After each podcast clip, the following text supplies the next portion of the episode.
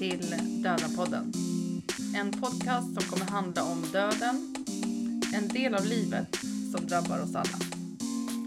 Vi kommer att träffa människor som är nära döden på olika sätt. Antingen av egna upplevelser eller via sitt yrkesliv.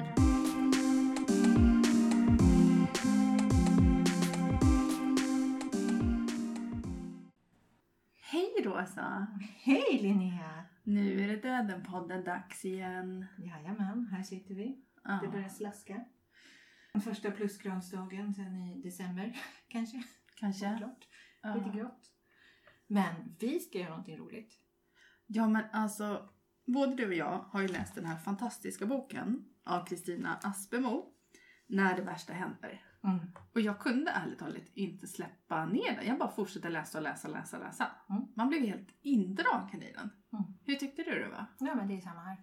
Ja. Jag började läsa när Håkan la barnen.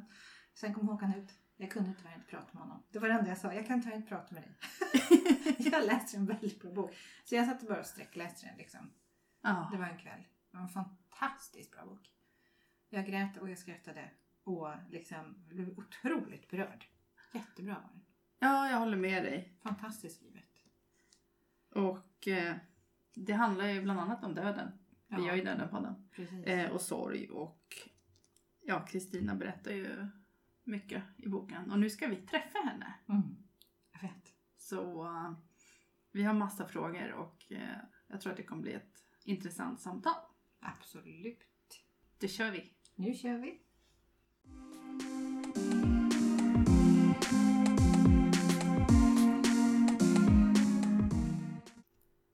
Då ska vi säga välkommen till Kristina Aspebo. Tack så mycket. Och vi har precis läst din bok När det värsta händer. En Mm. fantastiskt bra bok vill jag inflika till alla som lyssnar.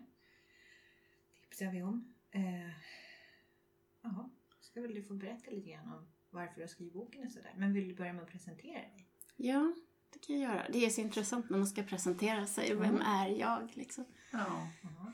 Men jag börjar på det traditionella sättet. Eh, ja, Kristina Aspemo heter jag. Jag är 50 år, fyllde jag nyss. Eh, har två barn som är utflugna, men de är unga vuxna. De är 23 och 21 i år. Så de pluggar i Uppsala. Mm. Jag har jättefin kontakt med dem. Eh, och så har jag en liten hund, så en liten träsilsutt som är ett och ett halvt år. Hon kom in i mitt liv nyligen när jag var i sorg. Och så har jag ju för, eh, för två år sedan ganska exakt förlorat min älskade Gösta. Och det är ju det boken handlar om när det värsta händer. Jag kan säga att jag också jag jobbar, också, jag jobbar eh, som samtalsterapeut, bland annat egenföretagare. Håller kurser och sådär, organisationskonsult. Så jag, jag möter också i mitt arbete människor i sorg. Eh, har varit nära alltså, liv, frågor kring liv och död. Varit nära, stöttat människor som vet att de har en begränsad tid kvar att leva och så. Så jag har varit nära sorg förut, fast mer i mitt arbete. Och nu drabbades jag ju själv av det. Hade du nytta av det? Att du hade varit nära det liksom? Ja, det skulle jag nog säga. Mm. Och jag, eh, och framförallt att jag har varit nära mina känslor under lång tid. Jag har ju också gjort mycket eget sånt arbete. I att möta mitt inre eller möta mina känslor och bearbeta. Och någonstans där blir man ju... Man, blir, man får ju lite verktyg ändå att kunna hantera starka känslor om man aldrig kan vara, vara förberedd förstås. Nej. Eh, Men det har jag verkligen haft hjälp av, det skulle jag säga. Mm. Mm. Vad, vad har varit viktigast för dig med att skriva boken och vad ville du få fram och att läsaren skulle liksom ta till sig eller så? Mm. Men min önskan är ju att eh, öka förståelsen för sorg och hur den kan se ut, hur den kan ta sig uttryck. Mm. Eh, för att eh, om jag kan bidra med det genom att berätta min personliga berättelse, jag använder mig själv så att säga, så, så kanske det kan bli lite lättare för den som är nära någon i sorg, för det, det, är, det är svårt. Mm. Vi säger för jag känner igen mig det också, vi vet ju inte riktigt hur vi ska bete oss. Ska jag dra mig undan? Ska jag gå på? Kanske blir jag för mycket? Hur gör jag? Mm. Eh, så det är en önskan om att vägleda där eh, och öka förståelse för hur sorg kan se ut. Och sen inte minst för den som är i sorg att få känna, förhoppningsvis kan min bok skänka lite tröst och lite hopp och en upplevelse att jag är inte ensam om att varit med om något liknande. Mm. Det är ofta när vi har en väldigt, eh, alltså i, i det djupt personliga så brukar också rymmas något väldigt allmänmänskligt existentiellt. Vi är ju så lika där inne. Just det. Ja. För att det, man är ju i sorg, är man ju i en stor förlust så är man ju ens, man är ju övergiven. Det är Mm. det som har hänt. Och då är det så värdefullt om man kan få känna genom en bok eller genom nära männi- människor man har nära förstås att jag är ändå inte helt ensam. Det finns andra här Mm. Mm. som delar någonting med mig. Absolut. Så det är min, det är min förhoppning. Jag tänker det, det hjälper också mig att göra någonting meningsfullt av även av det värsta. Mm. Det ger mig mening att fortsätta och det är också i linje med det jag jobbar med. Det här jag, jag är så övertygad att om vi vågar möta våra känslor, om vi vågar dela dem, uttrycka dem, sätta ord på dem, då händer något väldigt läkande. Mm. Ja, Jag håller med dig. Ja, Mm. Absolut. Men hur har den här erfarenheten, vad, alltså vad, vad har den gjort med dig? Har du, känner du att du är liksom en innan och efter? Eller liksom, hur, hur? Jättestor fråga kanske. Men Jag är glad för den frågan. för den är ju... Den är intressant den frågan tycker jag. Nu har det ju gått två år. Det händer ju, det verkar ju i mig hela tiden. Och det är klart, allt vi är med om påverkar oss. Men jag... Alltså när det, när det gör så ont, när det händer något så fruktansvärt. För jag var ju verkligen... Jag fick all kontroll. Man tappar ju all kontroll. Det är bara att överlämna sig på något sätt åt livet, åt ett andetag i taget och så. mm. Och vi vet ju, det där att släppa kontrollen, det är väl kanske människans största utmaning. Och när man är med om en riktig sån här käftsmäll, kan man säga det? Mm. Alltså så, Mm. Mm. knockad. Så kan man inte annat än att släppa kontroll, eller jag kunde inte det. Och när vi släpper kontrollen, då vinner vi någonting. Mm. Rädslan för, så där, det finns en väldig paradox i det. Och jag fick släppa så mycket sånt som jag kände till om mig själv, för jag har ju, har ju vetat ganska mycket om mig själv. Men Mm. jag fick också det blev bara så här, nej men nu är jag bara mig själv. Jag fick bli så 100% lojal mot mig själv, mot mina behov, mot den jag är. Så att på något sätt så blir det en väldig frihet i det. Mm. Och jag märker också, jag vet inte, jag hoppas att andra kan säga det också, att när jag ger mig själv den friheten så, så kan jag också ge det till andra. Eh, Jag, jag kan känna det själv att i mitt möte med klienter till exempel att, eh, att det händer någonting i det när vi inte har några förväntningar på att det ska hända någonting eller någon ska, det ska ske någonting utan man bara får vara som man är. Och där, när man får vara som man är, det är då den verkliga förändringen händer. Mm. Där, där, för då kan vi kanske släppa kontrollen, just kontrollen. Ja. Det är väldigt, det, det är någonting väldigt vackert i sorgen. Mm. Det, alltså de här paradoxerna blir så tydliga när man är i sorg tycker jag. För att liksom allt blir så stärkt och så klart. Även det väldigt vackra. Liksom det, här, eller det njutfulla av att leva, att ta en klunk kaffe. Vad Mm. gott det smakar. Mm. För allting blir så påtagligt. Mm. Så har det varit för mig i alla fall. Alla nyanser blir så starka på något sätt. Men har du är något, någon, några värderingar eller någonting hos dig som du känner har- blivit annorlunda efter, efter det här som har hänt? Inte annorlunda skulle jag inte säga. Men Nej. kanske ännu tydligare. Mm. Eh, Jag lever ännu mera i, eh, jag kall, Gösta kallar det överlåtelse. Det är väl en, en kyrkans term. Han var ju präst. Mm. Må det som ska ske få ske och jag är villig att liksom överlåta mig det och ha tillit att det kommer någonting gott av det. Det finns något, eh, det finns någonting gott att finna i allting som händer egentligen. Mm. Jag glider med mer. Det låter skönt. Ja, det, det är ju nyckeln till frihet. Så på ett sätt så är jag ju friare och också tryggare än vad jag någonsin har varit. Mm. Och samtidigt så... ja, är det ju en jättetomhet och en stor sorg. Alltså, den lever jag ju med väldigt påtagligt fortfarande. Det har gått två år. Mm. Så det, det är fascinerande med de här, de här både och. Mm. Abso- absolut. Men det, det är ju väldigt skönt att inte kämpa så mycket. Mm. Kämpa emot framförallt. Mm. Sen betyder det inte att man bara ska lägga sig i soffan och ge upp. Men Nej. följa med mer, vara mer följsam för livet och vara mer lyhörd och ta vara på tillfällen när de uppstår. Men inte tro att man ska... Att man har reg- regissör liksom. Det, här, det blir ju väldigt påtagligt när man är med om något sånt här. Vi har ingen aning. Vad som helst kan hända när som helst. Absolut. Mm. Och just där, det, det viktigaste för en ens liv, det är det man minst kan påverka. Alltså hälsa, sjukdom, död, liv. Det är alldeles sant. För det är ändå det som betyder mest. Och det kan, har vi ingenting att se till om. Ja, om man kanske inte röker då 100 paket cigaretter varje dag. Men det är ju så extremfall liksom. Ja. Men ja, jag håller med. Nej, och det, är ju liksom, och det, där vin, det där får vi ju erfara när vi vågar älska. Och när vi vågar ge oss hän och när vi så, Mm. vågar leva. Och då är det ju, sorgen är ju en aspekt av att jag älskar, jag lever, jag ger mig hän i mitt liv.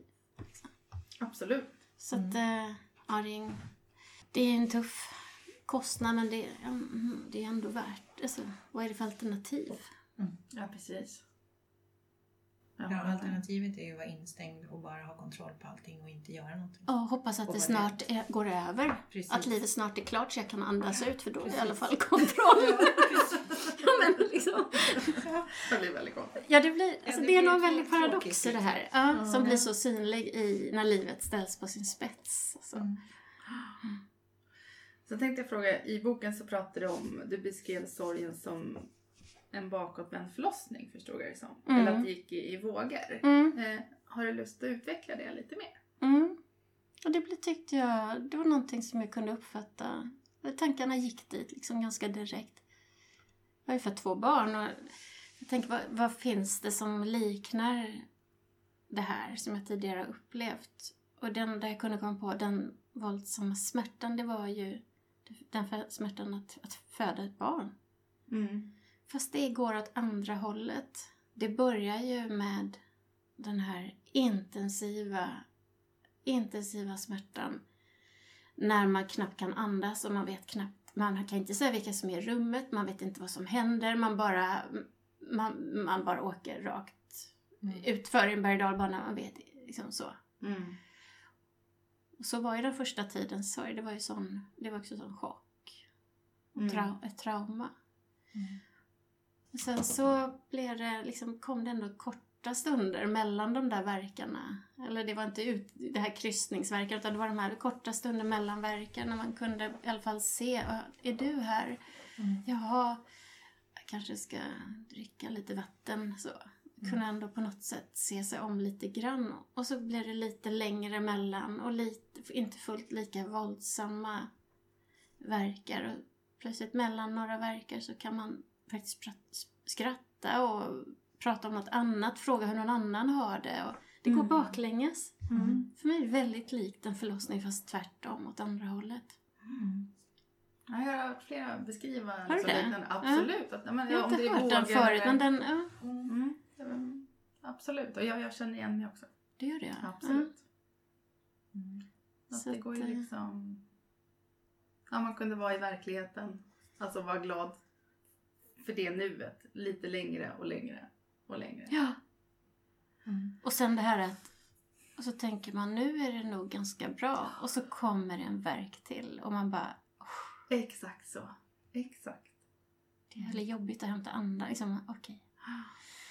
Men Att det- åka med i det där och bara låta. Jag tänker också som en förlossning, den sker ju, det är ju inte jag som födande kvinna som jag har ju ingen kontroll där heller. Det är, också, det är ju fantastiskt att få vara med och föda barn. Absolut. För det är ju verkligen livets essens även där man får uppleva, jag kan tro att jag har kontroll. Jag kan ju planera lite för lustgas eller vad det nu är. Mm.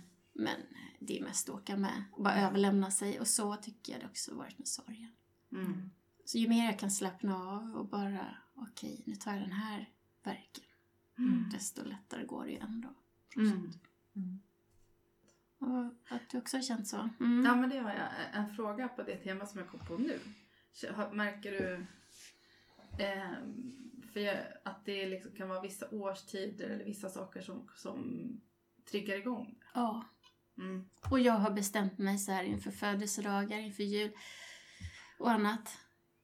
Men jag skiter i det. Jag bryr mig inte om att det är jul nu. Eller jag bryr mig inte om den här födelsedagen. Jag bryr mig inte om det här. Jag, jag glömmer det. Och så har jag trott att det skulle funka. Och så bara... Så har jag, på ett, ett plan, intellektuellt plan kan jag faktiskt ha glömt det. Men jag är så förtvivlat ledsen just den dagen. Och bara, nu börjar jag gråta. Mm. Du vad är det? Åh, Just det. Mm. Det går inte. Nej. Eh, och så är det ju, alltså särskilt när det ska vara som bäst, då är det ju Mm. jul, eller högtider liksom. Ja. Också den här, den här tiden eh, som vi är i nu när det är februari, Mm. januari, februari när det hände, är också, Mm. det är så mycket i det yttre som påminner, just den här kylan, ja just det, det var då. Mm. Och så. Mm. Mm. Ja, för det har jag också märkt att jag kan ha varit i bättre perioder. Ja. Och sen så är det någonting och då börjar jag förstå. Aha, ja, ja. Ja, det, Mm. ja. Man känner sig inte så smart. det är så... Det, ja, det, jag förstår inte hur det funkar. Men jag förstår att det, det går inte att ha kontroll. Det Nej. går inte att från hu- med viljestyrka med hu- från huvudet styra det. Det går Nej, inte. det, det bra. Jag kan inte det i alla fall. Nej, jag håller med dig. Mm. Sen blev jag lite ny- nyfiken när jag läste boken. För jag känner igen mig. Du, du skrev någonting att det är din kropp. Att det liksom vibrerade. Mm. För, för jag kände igen det nu, när jag läste det. Och då undrar jag liksom... Tror att det är liksom att kroppen reagerar på det här traumat? Mm. Eller hur, hur var det för dig? Liksom? Jag tror inte att det är det. Nej. Jag har ju, jag har ju en, en tro. Ja, jag vet ju inte. Jag, det jag skildrar i boken, jag gör ju ingen trosförklaring i min bok eller tros, liksom en förklaring hur jag ser på livet. Eller min, min tro, formulerar inte min tro på det sättet. Men jag skildrar ju konkreta upplevelser som det inte går att logiskt förklara men som för mig är det tydliga tecken på att livet, livet och kärleken fortsätter efter döden. Mm. Och jag vet inte, men jag upplevde mig otroligt omhändertaget. Och omhändertagen där. Mm. Och särskilt den där sista den sista natten innan Gösta fick somna in för han låg ju nedsövd på intensivvårdsavdelning. Och jag sov ju hemma då och min syster sov bredvid. Eh, si- då var det som att det bara genomför så mycket kärleksfull energi i min kropp. Mm. Vad fint. Och jag, jag vet inte. Det var som att jag bara fick en sån boost av något. Och det var också så första månaderna så, så var det som att jag var en mobil som låg på laddning. Jag kände hur min kropp vibrerade eh, hela nätterna. Och, och jag sov också helt fantastiskt bra. Jag var som utslagen. Jag, bara, jag, jag tog ingen medicin. Jag gick och la mig och somnade direkt. Sov till åtta på morgonen och kände hur jag vibrerade när jag vaknade. Och kände du att du fick då kraft? Ja, jag tror att jag fick hjälp att återhämta mig för jag var ju så ja, kraschad. Mm. Jag tror det. Mm. Jag, jag upplevde i alla fall det. Eller jag upplevde ju det här Mm. Mm. väldigt, väldigt påtagligt. Det låter Och på- fantastiskt. Ja, men väldigt hoppingivande sätt. Liksom. Så du har också känt det? Ja, alltså när jag läste boken, då kom jag ju på det. Och jag vet att jag pratade om det, men, men, sen, men det förstod jag inte. Jag, förstod, jag tänkte liksom, vad konstig känsla tänkte jag hela tiden. Ja, men för det är inget man känner igen riktigt. aldrig känt förut. Eh, och då, då, ah, jag förstod aldrig, jag förstod aldrig det. Eh, så var det. Nej, det, det är jag glad för med boken att jag skriver, för det hamnar ju i ett slags långtidsminne, för det är ju lätt att glömma det här. Mm. Och det kanske var fint att det, du minns det genom att läsa det. Ja, så var det.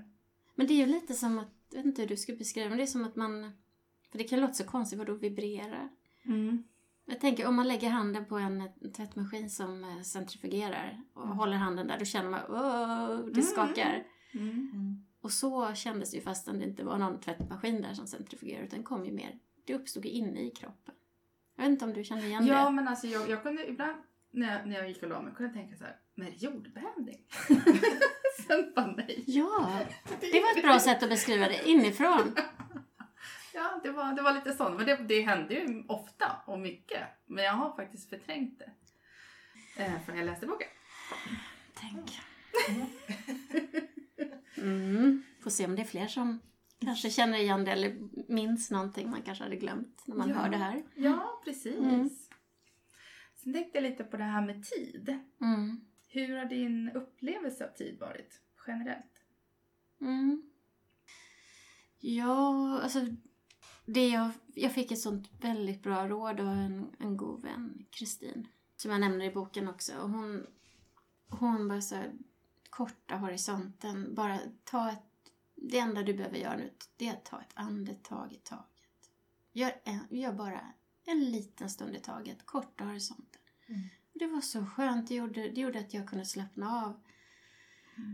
Okej, så jag behöver inte kavla upp ärmarna och vara konstruktiv och klok och rationell och projektledare i det här projektet, sorgeprocess. Liksom. Det var så skönt. För att gå till tanken aldrig mer eller för alltid, det är ju bara, det är bara så hemskt. Mm.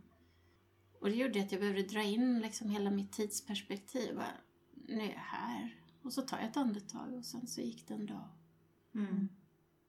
Så tiden blir väldigt... Eh, man släpper ju lite kontakten med tiden. Ja, det är blir friare i relation till tiden. Det blir någon förändring med tiden i Ja. alla fall, tycker jag. Mm. Och jag tycker att även där är det också väldigt mycket både och. För jag, det känns ju... Det kunde jag förstå när det hände. Att jag sa det till en vän. Vi behöver hålla för ett ultramaraton. Liksom, det, är inte ett maraton, det, det kommer vara länge. Mm. Så det är både som att ja, springa andra varvet kanske på ett ultramaraton. Det har pågått så länge. Det är så krävande. Och samtidigt så är det alldeles nyss. Det är också så här. Mm. Hur får man ihop de två tidsperspektiven? Mm. Men rent generellt så jag bryr mig inte så mycket om tiden längre. Nej. Nej, jag tycker det. Så för dig det är mer här och nu, alltså vad är Ja. nuet? Och... Ja, Mm. jag märker det också att jag är lite...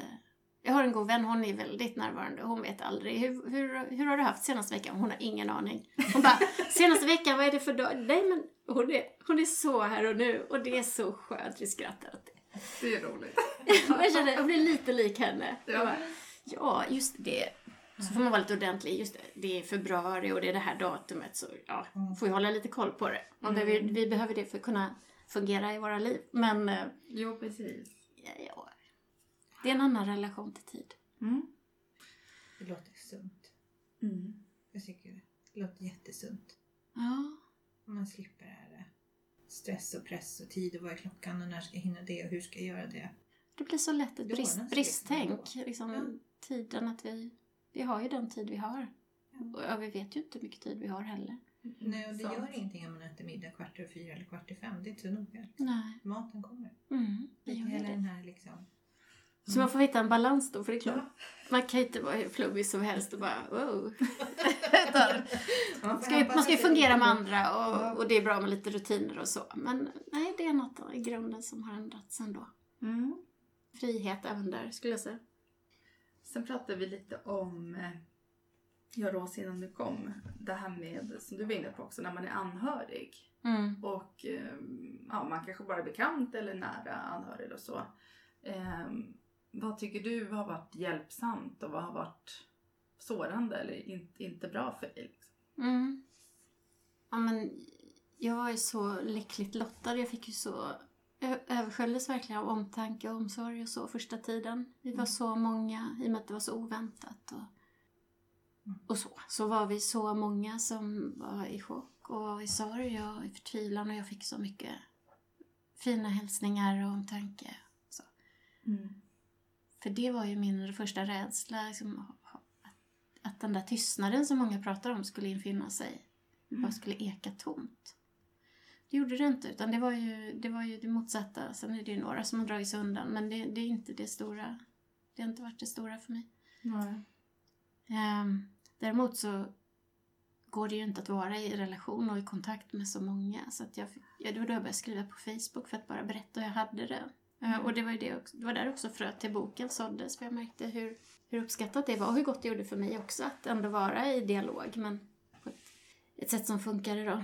Mm. Ehm, ja, alltså sen, jag tänk, tänker att det finns, det blir också väldigt lite motsägelsefullt där. Det finns en likhet med förlossning här också, tänker jag. För när Mm. man föder så är man ju jätteberoende att ha några nära som man kan liksom få krama handen med när det är bara och någon som baddar pannan eller ja, Mm. vad de nu gör. Finns där bara för en och som inte förväntar sig någonting tillbaka. Nej. Hur är det? Du frågar inte hur det är med mig. Alltså det, Mm. det går ju inte när man föder. Och det, det går inte heller den första tiden i sorg. Så man behöver ju, och jag hade ju det mina systrar och några goda och nära vänner som verkligen var där med mig i det här, om man säger förlossningsrummet. Mm. Mm. Eh, däremot så vet man ju när man föder att om det blir ett så här personalbyte så plötsligt kommer det ny personal, då kan man ju faktiskt se att verkarna klingar av. Mm. För man blir lite otryggare då att det påverkar förlossningen. Mm. Så var det också för mig att det, jag behövde också, jag kunde inte vara i dialog med så många, många fler. För det blir också väldigt eh, otryggt, för plötsligt ska man introducera någon i hur man mår och bara berätta hur man mår, det orkar man, alltså, det är jättekrävande att berätta, hur mår du, hur går det för dig, klarar du det här? Det, det, så, Mm. det går ju inte. Och det finns väl någon, kanske någon slags grundtanke, man kan, kanske kan tänka så, om jag, om vi var lite ytligt bekanta innan så kanske jag kan finnas till. Mm. Fast på ett litet sånt sätt också, skicka en hälsning Mm. och säga jag tänker på dig. Mm. Och så. Men var vi riktigt nära, se om du kan förmå och var, kan ändå vara, göra, bjuda in till att vara nära. Mm. Men med väldigt stor lyhördhet då förstås. Och förvänta, förvänta dig inte så mycket av den sörjande. Det är, man har fullt upp med att bara överleva. Mm. Och nu pratar jag om den här allra första tiden framförallt kanske. Mm. Och det är ju det vi... Det växer ju så mycket i oss när vi känner någon annans sorg. Det växer ju egna känslor och vi, de flesta av oss bär på ganska mycket sorg. Sorg är ju en reaktion på en förlust. Vi har, bär alla på förluster av olika slag. Mm. Och kanske har vi utvecklat strategier för att hantera dem och, och försöka plocka undan dem, stoppa undan dem. Så. Mm.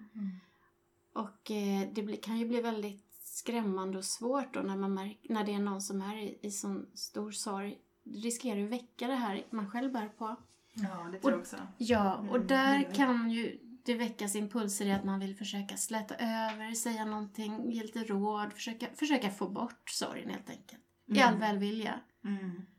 Men det blir inte bra. Nej. För det går ju inte att ta bort sorgen. Utan det som händer är att den som har förlorat någon som har blivit lämnad, den blir lämnad en gång till. Mm. Och det gör så ont. Så man behöver också ha koll på sig själv. Är det för utmanande så kanske man kan säga det. Jag tänker på dig. Eh, jag tycker det här är jättesvårt. Nu ska du veta att jag, du är i mina tankar. Mm.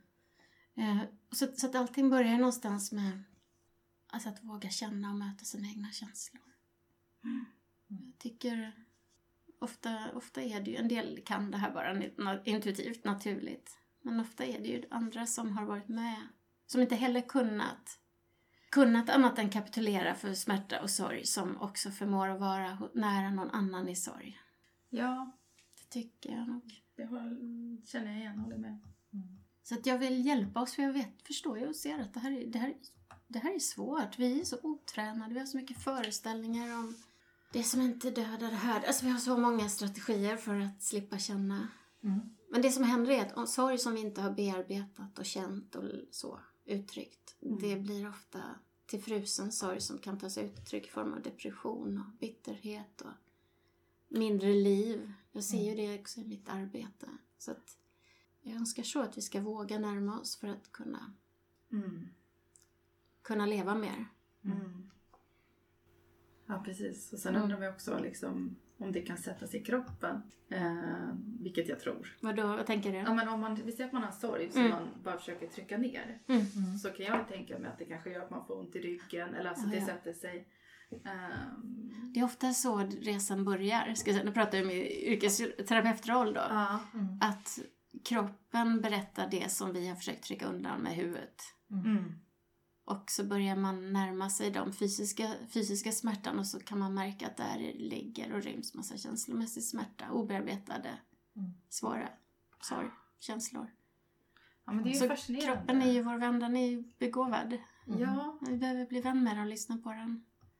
ja, precis. Jag tänker i framtiden att man kommer veta mer om hur det hänger ihop. Liksom, känslor och kroppen. Och, ja. Och det sker ju mycket på det här området. Tack och lov. Det är jättespännande. Jätteviktigt också att du tar upp det. Att det är bättre att känner man att man inte orkar hantera det så backa istället. Kan man inte stötta den som är sådär djupt ner så är det bättre att säga att jag tänker på dig men jag finns här borta. Ja, precis, eller hur? Ja. Precis. Istället för att bara försvinna eller inte höra av sig. Ja. Mm. Alltså det här är bara ett sms, jag tänker på dig. Mm. Jag tycker det här är svårt, jag kan bara ana hur det är för dig, jag tänker Mm. på dig. Alltså, det- då har man ju sagt allt. Mm. Då finns man ju där. Mm. Du är samtalsterapeut och vi har förstått att du mediterar ganska mycket också. Mm. Hur kom det sig att du började med det? Och hur har det hjälpt dig under Mm. den tiden? Ehm, nej men jag började med det kanske för, ja, ja det kanske var nästan 25 år sedan. Eller drygt 20 år sedan. Mm. Jag var ju, jag jobbade som, jag jobbade i finansbranschen. Eh, jobbade heltid, hade två små barn. Så. Och där någonstans märkte jag att det inte riktigt höll. Jag, jag hade, som man säger, jag hade allt men det var ändå något som saknades. Mm. Det var den här tomheten eller stressen tog, tog på mig. Mm. Och då var det någon som tipsade mig om yo- yoga. Har du hört talas om det? Det är, det ska vara, det är riktigt bra, sa någon. Det hade precis börjat talas om då. Mm. Och jag tyckte, frågade henne så här, blir man svettig? Nej, det är inte det det handlar om. Det är att slappna av. Nej, men det har inte jag tid med då. Så då men efter något år i alla fall så kroppen pockade på då. Mm. Som sagt, det vi pratade om förut. Så då provade jag ändå. Och så för, kände jag ju hur det blev, vad skönt det var, vad gott det gjorde. Mm. Mm. Så jag började yoga mer och mer. Och eh, man säger det att yoga är ju meditation i rörelse. Det är lättare, det kan bli, vara lättare att bli närvarande när man är i rörelse, när man är helt stilla. Så yoga är en slags förberedelse för meditation, Okej. enligt det österländska. Mm. Och det gick ju så långt så att jag utbildade mig till yogalärare och hela, just, ja. Yogan var väldigt mycket en, en, det som också bidrog till den här förändringen som, förändringen har gjort i mitt liv. Att också starta eget och omskola mig och jobba med vår insida, eller hur vi nu formulerar det. Mm. Ja, men jag mediterar, jag mediterar, har gjort det i många år. Men det har också hjälpt mig jättemycket, särskilt mycket nu. I sorgen. Mm. Mm. Och jag, jag tänker att allting som händer, i, som just nu, i varje stund när vi lever, så sker saker på tre nivåer. Det finns en yttre nivå. Mm. Vi sitter vid ett bord, vi pratar och så vidare. Mm. Och så inom oss var och en så pågår det tankar och känslor och associationer och sånt. Mm. Ja. Och så finns det en tredje nivå. Det finns någonting inom oss som både kan uppfatta det som sker här på utsidan Mm. och som faktiskt också kan uppfatta det som sker på insidan. Så i, när man mediterar så tränar man ju sin förmåga att uppfatta. Och då går, blundar man ju ofta för att uppfatta det som är på insidan. Mm. Och det, vad, som, vad det gör med en, tänker jag, att man, man behöver inte tro på allt man tänker. Man behöver inte agera på allt man känner. Utan man stärker förmågan att okej, nu kom den här tanken. Okej, nu känner jag det. Det här, vad vill det här säga? Mm. Och det, det där blir ju en frihet istället för att gå leva det här reaktiva livet påverk, där man springer på alla yttre faktorer Mm. och alla inre faktorer, Mm. tankar, alla, allt det som det väcker i sig i form av tankar och känslor så kan jag mer välja hur jag vill förhålla mig till saker och ting. Mm. Och där sker något stort, något stort skifte att leva, istället för att leva mer rädslostyrt eller stressstyrt så kan jag välja att leva mer öppet förhoppningsvis och mer kärleksfullt kanske man kan säga, mot sig själv och andra. Mm. Så det är liksom en inre revolution. Det börjar med oss var och en, fredsarbetet. Mm. Mm. Absolut. Och det hjälpte ju mig i sorgen att meditera just för att på något sätt bara finna någonstans den här friden, den här stilla punkten mitt i stormen. Det betyder jättemycket. Mm. Ja, det låter jätteintressant. Det blir lugnare på något sätt. Jag kanske inte hade börjat med det i sorgen. Det hade varit för svårt. Det fanns redan som en... Så det var ju en väldigt stor tillgång för mig att jag hade det som en, en vana. Mm. Något att ta till så. Ja, men precis. Eh, Och sen i boken så nämner ju du ett medium, Camilla. Mm. Mm. Vad har hon betytt för dig och vad liksom, har du kontakt med henne fortfarande? Mm. Camilla Örnberg heter hon. Hon, är ju, hon har ju varit med i Det Okända som kanske många har sett, det här programmet på TV. Där, man, ja, där de besöker platser och hem och så där det, där det spökar. Mm. Eh, jag har ju sett henne på TV och eh, jag uppskattar henne. Hon är ju väldigt skicklig. Hon är, ja, hon är bevisat skicklig. Så, Mm. Och så är hon en väldigt fin människa. Hon är väldigt ödmjuk och empatisk, varm. Så när det här hände så... Eh, jag vet också att jag hade visat henne för just det. Kolla henne, Camilla, hon, vad häftig hon är. Ja, sa han. Aha. Vi höll på sådär. Ja. Ehm, så då kontaktade jag henne.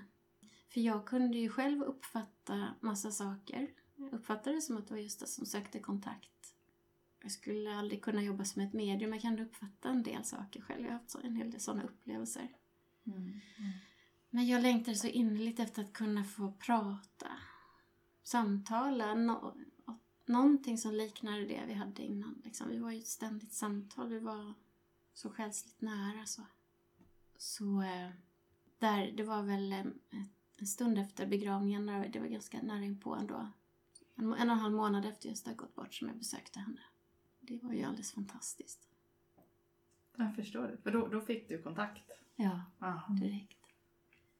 Hon är, jag har uppfattat henne från tv som, som väldigt lugn Mm. och så här mjuk. Men hon slängde upp dörren, min syster skjutsade mig. Hon Mm. slängde upp dörren innan jag ens klev ut ur bilen och jag hade inte en knack på. Och så, hon var som Gösta liksom, i energin. Ja. Han var inte så lugn och så. Där är du, kom! Så här, och så, jag kände inte igen henne i hennes liksom, sätt att vara. Eh, ja men jag har hört hela morgonen, du ska inte ha kaffe, du blir så stissig då. Så jag har gjort ingefärste. Och då, då var det bara, ja, älskar Gösta, du är här. Han tyckte, han höll på att tjata på mig om att jag drack för mycket. Han tyckte inte jag skulle dricka kaffe, jag blev så stissig. Ja. Det, blev, det blir jag lite, men jag tycker om det. Men han, och han hade mycket åsikter, så det var väldigt fint att han var där och la sig. Mm. Det blev ett väldigt fint kvitto på att eh, han är med här. Mm. Och sen fortsatte i samtalet så. Men har det hjälpt dig att du har fått kontakt efter att han har gått bort? Mm, jättemycket. Mm. Det är ju fantastiskt trösterikt att få känna, få så konkret uppleva att kärleken är kvar. Mm. Han är med mig. Och eh, livet fortsätter även efter döden. Mm. Så Just jag kan inte uppfatta det på annat sätt.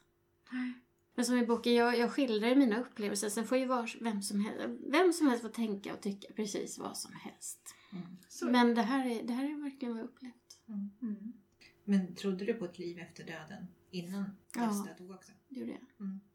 Så det här var ju naturligt för både Gösta och mig. Men när du har delat med dig om de här upplevelserna, har du blivit mött liksom både bra och dåligt eller hur?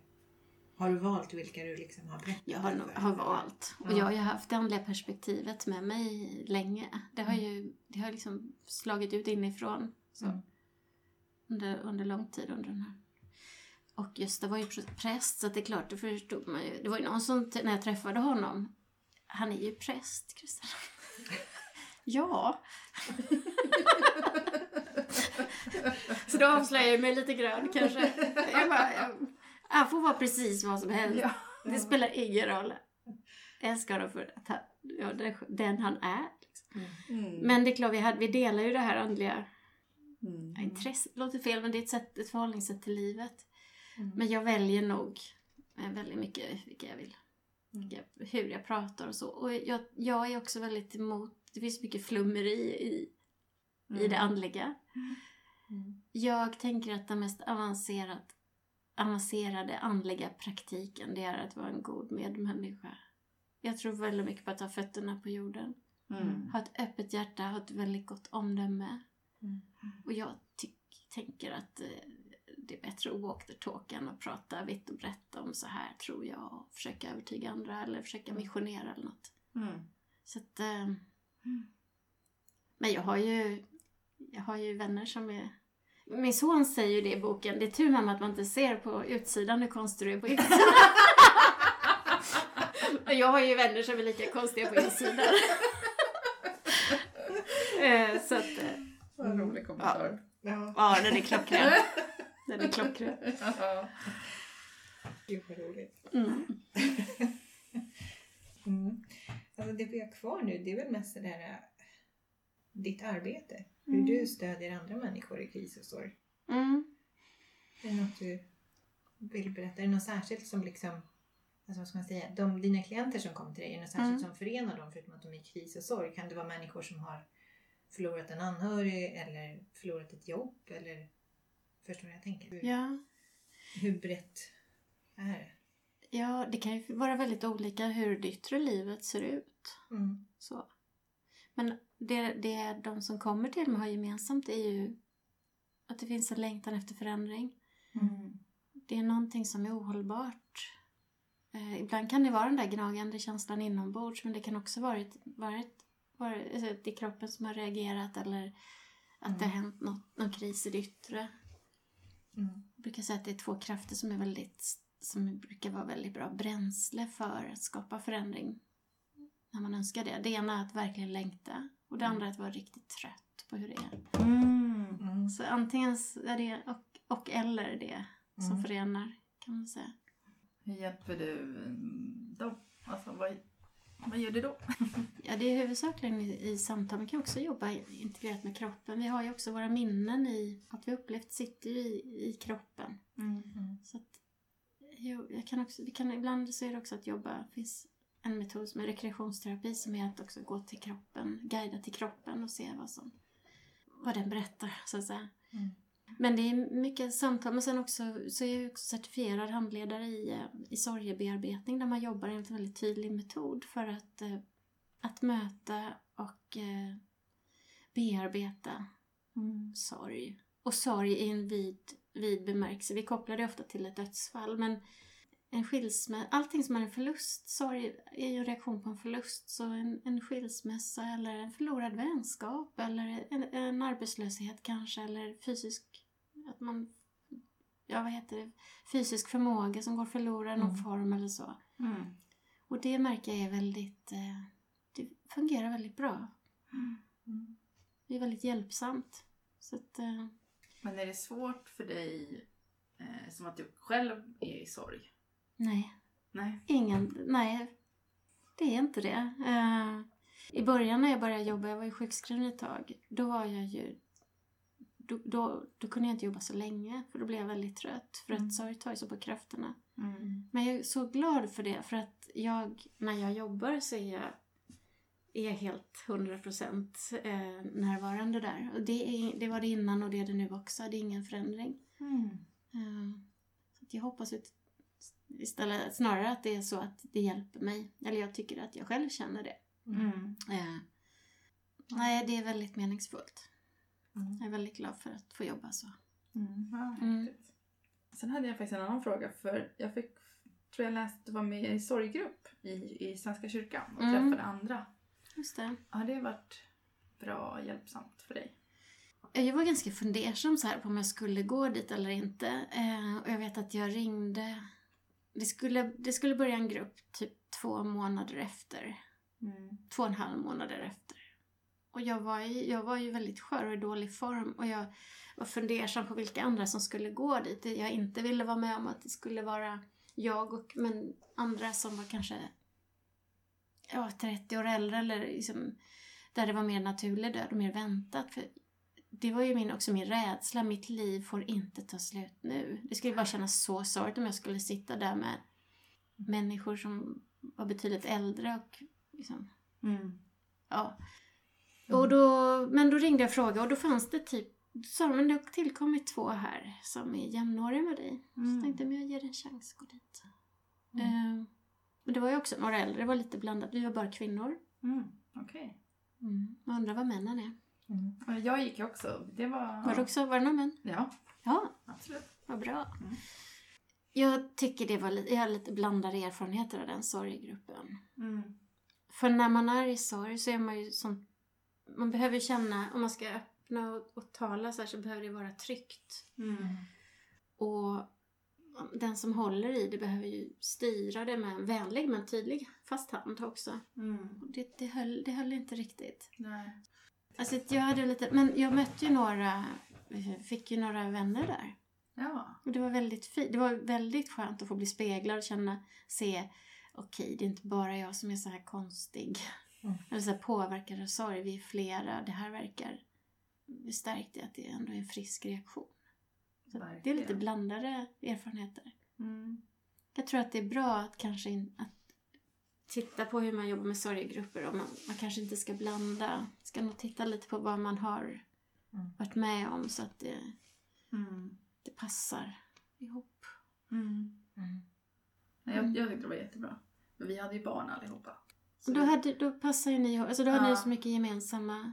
så då var ju barnen eh, i grupp medan vi föräldrar som var kvar då, mamman eller pappan i grupp samtidigt. Mm. Så det låter ju fantastiskt. Så då var man ju ja, ungefär lika gamla. Vad värdefullt. Mm. Ja. Nej, jag tror ju på sorgegrupper. Jag tror på det här samtalet, att få dela och Jag tror också det. det är ju bara att bli lyssnad till och att få lyssna, bli speglad i varandra så är ju väldigt läkande och Mm. hjälpsamt. Och känna Så att man inte är ensam som du säger. Bara det Mm. Mm. betyder, det kan ju vara det som får en att, får en att vilja fortsätta. Ja, fint att höra om dina erfarenheter. Mm. Är det något mer som, som du vill ta upp som vi inte har, har berört än? Jag, tror, jag kommer inte på något särskilt nu. Det är klart det finns massor att säga om det här området men eh, jag känner mig nöjd Vad bra. för nu. Ja. Mm. Ja. ja, men det är en fantastisk bok du har skrivit. Så Mm, tack. jag rekommenderar den till alla. Ja, Mm. verkligen. Mm. Ja, så Mm. tusen tack Kristina. Tack så jättemycket för att jag fick komma hit. Ja, Mm. Tack snälla. Fint.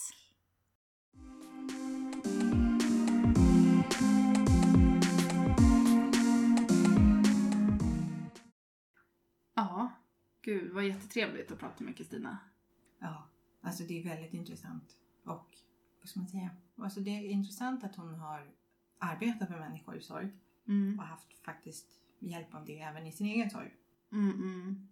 Men sen eh, tänkte jag lite det här att man kan känna igen sig när man läser en bok eller hör någon berätta. Till exempel det här jordbävning eller liksom vibrerande i sängen. Och jag tänker, är det någon annan där ute som också känner igen sig i, i någonting av det här? Hör av er! Ja, det vore jätteintressant. Jag har ju inte någon personlig liksom, erfarenhet, upplevelse. Så jag kanske inte riktigt förstår. Nej. Jag kan ju tänka mig men jag förstår ju inte på riktigt för jag vet ju inte. Nej men det Men- kanske är någon som lyssnar som, som också känner igen sig. Ja. Mm. ja, alla ni som gör det, har ni någon igenkänning, någon tanke bara? Ni behöver inte berätta hela er story liksom. Ni behöver inte berätta allt ni har varit med om, dela med er av alla erfarenheter. Men det vore väldigt kul. Det är kul, det är kanske fel ord. Men det är intressant. Mm, mm. Mm. Precis. Igenkänningen. Mm. Man är inte ensam att vara med om upplevelser och känslor. Tror jag. Precis. Mm. Ja. Men tills nästa gång, ha det så himla gott där ute. ja, men ta hand om er. Yes. Våren är här. Eh, snart.